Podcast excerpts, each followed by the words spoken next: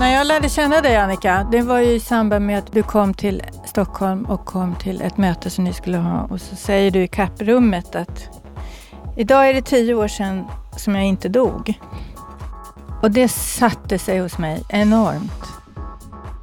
Det går som inte att beskriva nästan hur många plan av livet som det här gav effekt på. Mycket, mycket mer än vad jag trodde innan. Och, och det är klart att en så stor händelse har man något sorts behov av att prata om tror jag. Hallå, hej och välkomna till podden Hur tänkte ni nu? Här är jag, Janna. Hej Anna, Carro, jag är här också. Det känns ju superkul. Det är dags igen. Du Karo, förra gången så pratade vi rätt mycket om det här med andras inställning till en själv eller i den egna uppfattningen om en själv och andras inställning. Men också det här hur folk liksom ställer frågor utan att riktigt uh, ta hänsyn. Det kan vara lite kränkande sådär. Men det finns ju också en väldig massa andra outtalade frågor som jag vet att du kan värja dig en hel del mot det här med varför? Jag har ju hela tiden blivit ganska fascinerad över att människor är så oerhört intresserade av uh, min, uh, mitt funktionshinder. Alltså vad, vad jag har för diagnos och om jag alltid har haft det och, och varför och att uh, människor tycker det är så oerhört spännande. Och jag själv har ju alltid varit uh, nej, jag vet inte om jag tycker att det är så himla kul och intressant. Och att eh, människor uppfattar ju, eller tycker ofta att det är väldigt konstigt att, att vi inte direkt pratar med varandra om vad vi har för eh, diagnoser. Självklart finns det ju de som gör det, där det finns alltså, ett gemensamt erfarenhetsutbyte. Men det är väldigt sällan som jag har upplevt att det behovet är så otroligt stort för min egen mm. del. Sen kan ju det vara att jag har ju liksom använt min rullstol hela livet. Uh, för mig är inte det varken en, en nyhet eller någonting särskilt spektakulärt i sig. Utan det, det, är ju en del av mig och har alltid varit och kommer ju alltid att vara också eftersom det inte finns några direkta sätt att göra någonting åt den diagnos jag har i det skede i livet som jag är i, ska man väl säga som vuxen. Och det är ju det eh, som då också blir intressant därför att de som har förvärvat sin funktionsnedsättning, som på grund av olycka eller någonting annat, sjukdom eller så, eh, hur det skiljer sig åt om, som person eller frågor eller vad man, hur man tänker att få frågor. Ja, också hur man tror jag reflekterar kring sig själv också. Mm. På olika sätt. Och då finns det ju en faktiskt god vän till oss som heter mm. Annika Ödling. Hej Annika! Hallå där! Du sitter uppe i Lycksele ja, du? långt upp i norr. En strålande vacker vinterdag. Du eh, råkade ut för en olycka och med den utgångspunkten hamnade du så småningom i rullstol. Ja, precis så var det. Och då är det, och det som är intressant är lite grann, är det annorlunda frågor, annorlunda inställning eller så om man har en förvärvad funktionsnedsättning eller om man är född med, har levt med den hela sitt liv? Ja, nej men jag tror att det är skillnad. Jag försöker tänka. Ehm, för att för mig och, och jag tror för många med förvärvade skador så är ju apropå det här att behöva prata om självaste eh, olyckan eller när det hände eller hur det kom sig så var ju det en sån otroligt livsomvälvande upplevelse. Alltså den, den enskilda händelsen har ju haft större effekt på mitt liv än att bli förälder eller att utbilda mig eller det går som inte att beskriva nästan hur många plan av livet som det här gav effekt på. Mycket, mycket mer än vad jag trodde innan. Och, och det är klart att en så stor händelse har man något sorts behov av att prata om tror jag. Men är det självklart för dig att svara på frågor som andra kommer med? Varför sitter du i rullstol? Eller, eller upplever du att det är liksom du som ska ta initiativ till det? Eller är det, hur funkar det? Eh, jag har nog egentligen inte någonting emot eh, att folk undrar. Vad ska vi säga? Jag har blivit ganska präglad också utav att jag eh, har fått miljoners frågor av mina barns kompisar. Eftersom man hämtar och mm. lämnar på dagis och barn har ju de frågar ju när de ser. Eh, så jag fick ganska snabbt på något vis lära mig att svara på den frågan. Så kanske har de tränat mig, jag vet inte. Men, men däremot så träffar man ju på ibland att folk vill liksom in på livet och fråga ganska, eller väldigt personliga saker. Så här, hur gör du när du har sex? Och det känner jag att eh, det behöver de faktiskt inte veta. Nej. Sådana frågor får inte jag. Nej, till exempel. Nej, och det är ju en stor skillnad därför att ja, sådana frågor fick jag ju aldrig förut. Och det gör ju mm. att skillnaden blir ju liksom uppenbar så många gånger att det har hänt någonting som är en stor grej och jag förstår, det blir som ännu tydligare att det mm. var en stor grej eftersom jag fortsätter att få behandlas på ett nytt vis. Du, nu har ju du också mm, levt med din funktionsnedsättning ganska länge, eh, i, i, flera år. Så självklart så händer det ju saker i den processen också. Man utvecklar ju någon typ av... Det blir ju en vardag i ditt nya liv ja. också. Eller i ditt nya liv kanske är fel att säga. Men, men så som du är nu, ja. det blir ju också normaliserat även för dig. Även om du hade ett annat normaltillstånd tidigare. Tänker jag, ett normaltillstånd som jag aldrig har upplevt. Jag har, jag har ju som jag brukar säga, jag har ju ingenting att sörja eller sakna egentligen. Utan jag vet ju ingenting annat än, än det liv jag har. Sen kan jag ju föreställa mig och jag förstår ju att andra lever på ett annat sätt än vad jag gör och att jag har begränsningar som andra inte har. Men de är ju inte ett alternativ för mig att förhålla sig till heller. Men att ändå så så finns det en, just en nyfikenhet kring och en, en förundran kan jag uppleva mycket från omgivningen kring att jag inte tycker att det är mer intressant än vad det är. Mm. Det är ungefär som att eh, Janna ständigt skulle reflektera över varför hon är gående. Mm. Vilket jag antar att Janna inte gör. Nej, jag har aldrig tänkt tanken faktiskt. Men det här med att barn ställer frågor, det är ju också väldigt intressant för det är ju någonting som Carro också är van vid. Men det känns inte samma, eh, lika plumpt, eller hur ska jag säga? I alla fall utifrån vad du har beskrivit för mig tidigare. Nej, men alltså barn har ju en naturlig nyfikenhet och saknar ju liksom kanske också erfarenhet och också förståelsen att tänka i konsekvenser eh, som vuxna ändå någonstans Eh, besitter. Eh, så man kan ju på ett rationellt plan, kan ju de flesta vuxna ändå eh, ganska snabbt när de ser på mig förstå att jag är inte som dem och att min tillvaro ser annorlunda ut. Men att, att den här förklaringsmodellen, att behöva förstå varför det är på ett visst sätt, är större hos dem ändå än vad det är för mig. Att det liksom på något sätt inte jag rättfärdigar eller förklarar eller beskriver mig bättre för dem om de vet exakt orsaken till vad det är som gör att jag använder rullstol. Fast samtidigt så är det ju också, det blir en paradox i det för att skulle jag säga att äh, men jag äh, halkade lite illa när jag dansade isdans när jag var fyra så, skulle ingen, så är det ytterst få människor som skulle kunna säga nej, det har du inte alls gjort. Det är inte alls det som hände. Så jag skulle i princip kunna lura i de flesta människor vad som helst om anledningen till varför jag sitter i eh, eller använder rullstol. Mm. Än, än vad människor egentligen kan, kan härleda det till och, och förstå i alla fall. Eller kan utmana mig i det och säga så här, som jag sa, nej det stämmer inte. Du, du, du har ju en, du, din diagnos beror ju på en, en genetisk otur. och ingenting annat.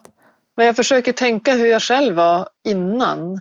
Alltså, och jag, jag tror aldrig att jag förstod riktigt då hur stor den här andra dimensionen, det som du pratar om Karo, var.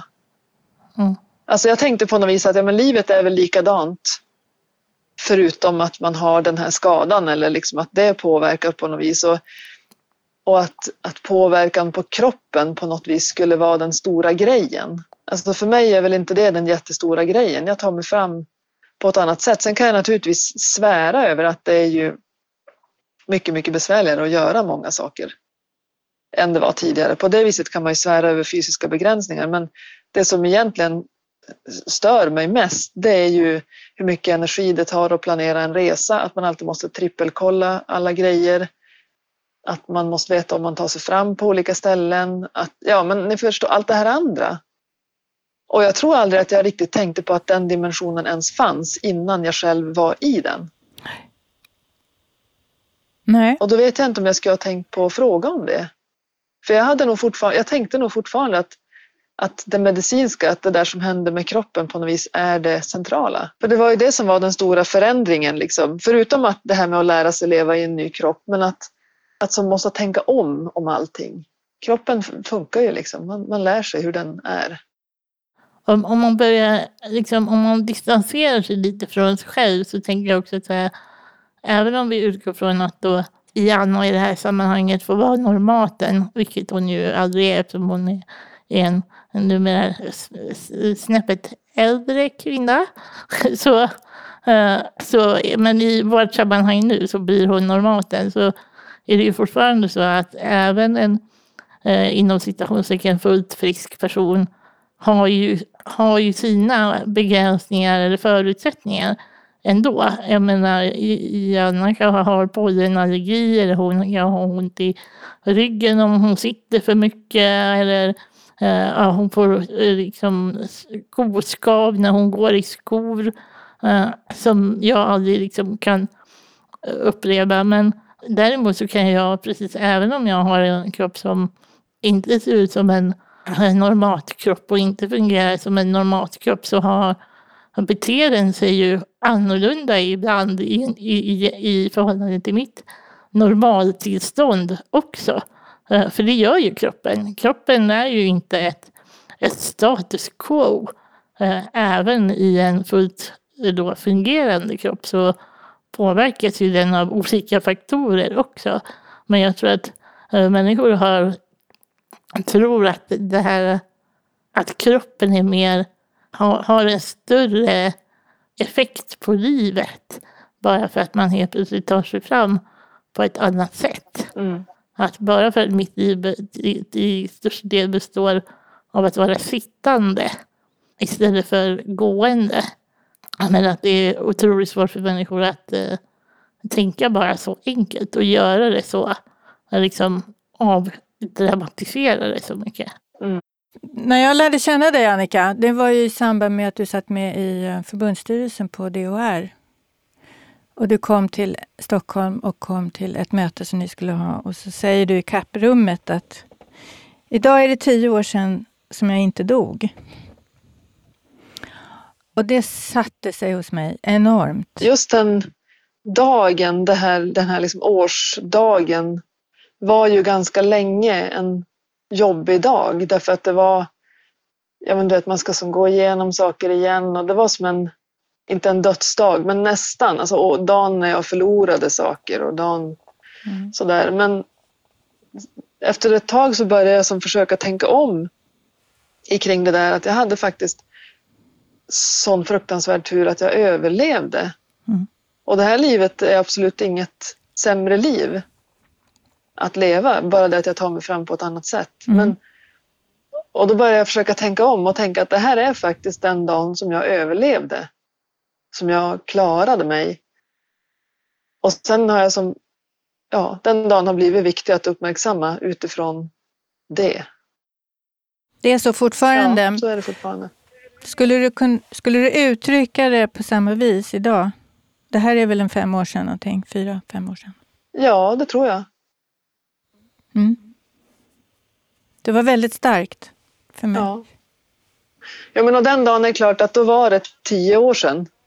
Det är som med alla jämna jubileum på något vis. Ja. Och så hade jag inte, jag var ju också i Stockholm, jag var inte hemma med min familj så. Men jag var med er. Och då fick jag fira med er. Känner du att du uh, har ett behov av att hävda inför andra att du är en överlevare? För att vi, vi pratade lite om det, jag och Janna, i veckan, just det här med att uh, för vi såg ett klipp om en person som menar på att man, om man har överlevt eller om man har en funktionsnedsättning så ska man visa hur stark och duktig och att jag klarar det här mot eh, alla odds. Att man liksom ska hajpa. Ja, nej det har jag nog inte. Jag vet att eh, eh, Nej, inte riktigt så. Jag är, jag är bara skitnöjd att jag överlevde och vill liksom ha det som en positiv betona att jag inte inte nästan dog utan jag överlevde. Alltså förstår ni skillnaden lite grann i synsätt? Men jag känner inte att jag behöver eh, utmana mig och, och, fara på långa skidäventyr eller fallskärmshopp eller, eller så. Alltså utmana och leva livet till max. Och, utan jag är skitnöjd med mitt alldeles vanliga liv. Och jag har egentligen det som jag drömde om innan. Och, och det tycker jag ju är en eh, det, det, är ju någonting som jag kan känna är det viktiga kanske att ta med sig från just det här avsnittet. Att eh, det vi värderar som mm, liv och som värt att leva, det är ju så otroligt personligt. Och det kanske egentligen inte är, när, när allting kommer omkring, så är inte det de här stora vidlyftiga drömmarna, utan det faktiskt kanske är att kliva upp på morgonen och känna att det är en bra dag och att jag får äta en jättegod middag eller att jag får se mina barn le eller ja. vad det kan vara. Att det är de här mellanmänskliga sakerna egentligen. Ja. Tack så hemskt mycket Annika för att vi fick prata med dig. Annika Ödling. Ja, tack själva. Det är ett, eh, jätte, ett jättespännande och svårt ämne tycker jag. Det är jättespännande att få prata med er och få verkligen anstränga hjärnan en smula. Har det gått Annika? Ja, detsamma, detsamma. Nu kom hundarna hem. Ja, nu kom gubben hem så nu gick larmet igång. Hej då! Hej då! Hej. Ja, som sagt Karo. Vi pratar om viktiga och djupa saker som man gärna skulle vilja fördjupa ytterligare, eller hur? Det sätter igång huvudet. Ja, jag tror att det är viktigt för människor att höra dels uh, det här resonemanget bara mm. i sig. tror jag kan ge människor någonting att, att tänka på, men också att man att vi förhoppningsvis förmedlar hur, hur man kan tänka och inte mm. tänka. Att, eh, det kan vara absolut världsomvälvande att man eh, eh, befinner sig i en situation då man behöver använda rullstol i ett visst skede och man är med om någonting dramatiskt. Eh, men för ganska många är kanske inte det just eh, verkligheten. Utan för ganska många är det faktiskt någonting som man är född i och som är en del av ens liv från början till slut. Och, och ingenting som egentligen tar mer plats än det andra och samhället runt omkring gör för att det ska behöva ta plats. För, för så är det ju också. Mycket av de saker som jag upplever som hindrande är ju inte hindrande på grund av mig själv, utan i, i den omgivning och i de mötena jag gör med andra. Mm. Ja, och vi kommer då med säkerhet få anledning att plocka upp den här trådarna igen, som vi nu släpper en stund. Ja. Och tacka för oss. Vi, vi har ju vår lilla sida på Facebook. Ni får jättegärna kommentera och diskutera sånt som vi har pratat om både med oss och med varandra i olika sammanhang. För vi tar jättegärna emot eh, eh, input eh, och hör vad, vad ni tycker är spännande och vad, vad det har väckt för tankar hos er. Tack för idag. Vi hörs igen. Ja, det gör vi. Hej, hej. Hej, hej. Hur tänkte ni nu? är en podd från DHR. Ansvarig utgivare, Janna Olsson. Hur tänkte ni nu produceras av Filt Hinterland för DHR.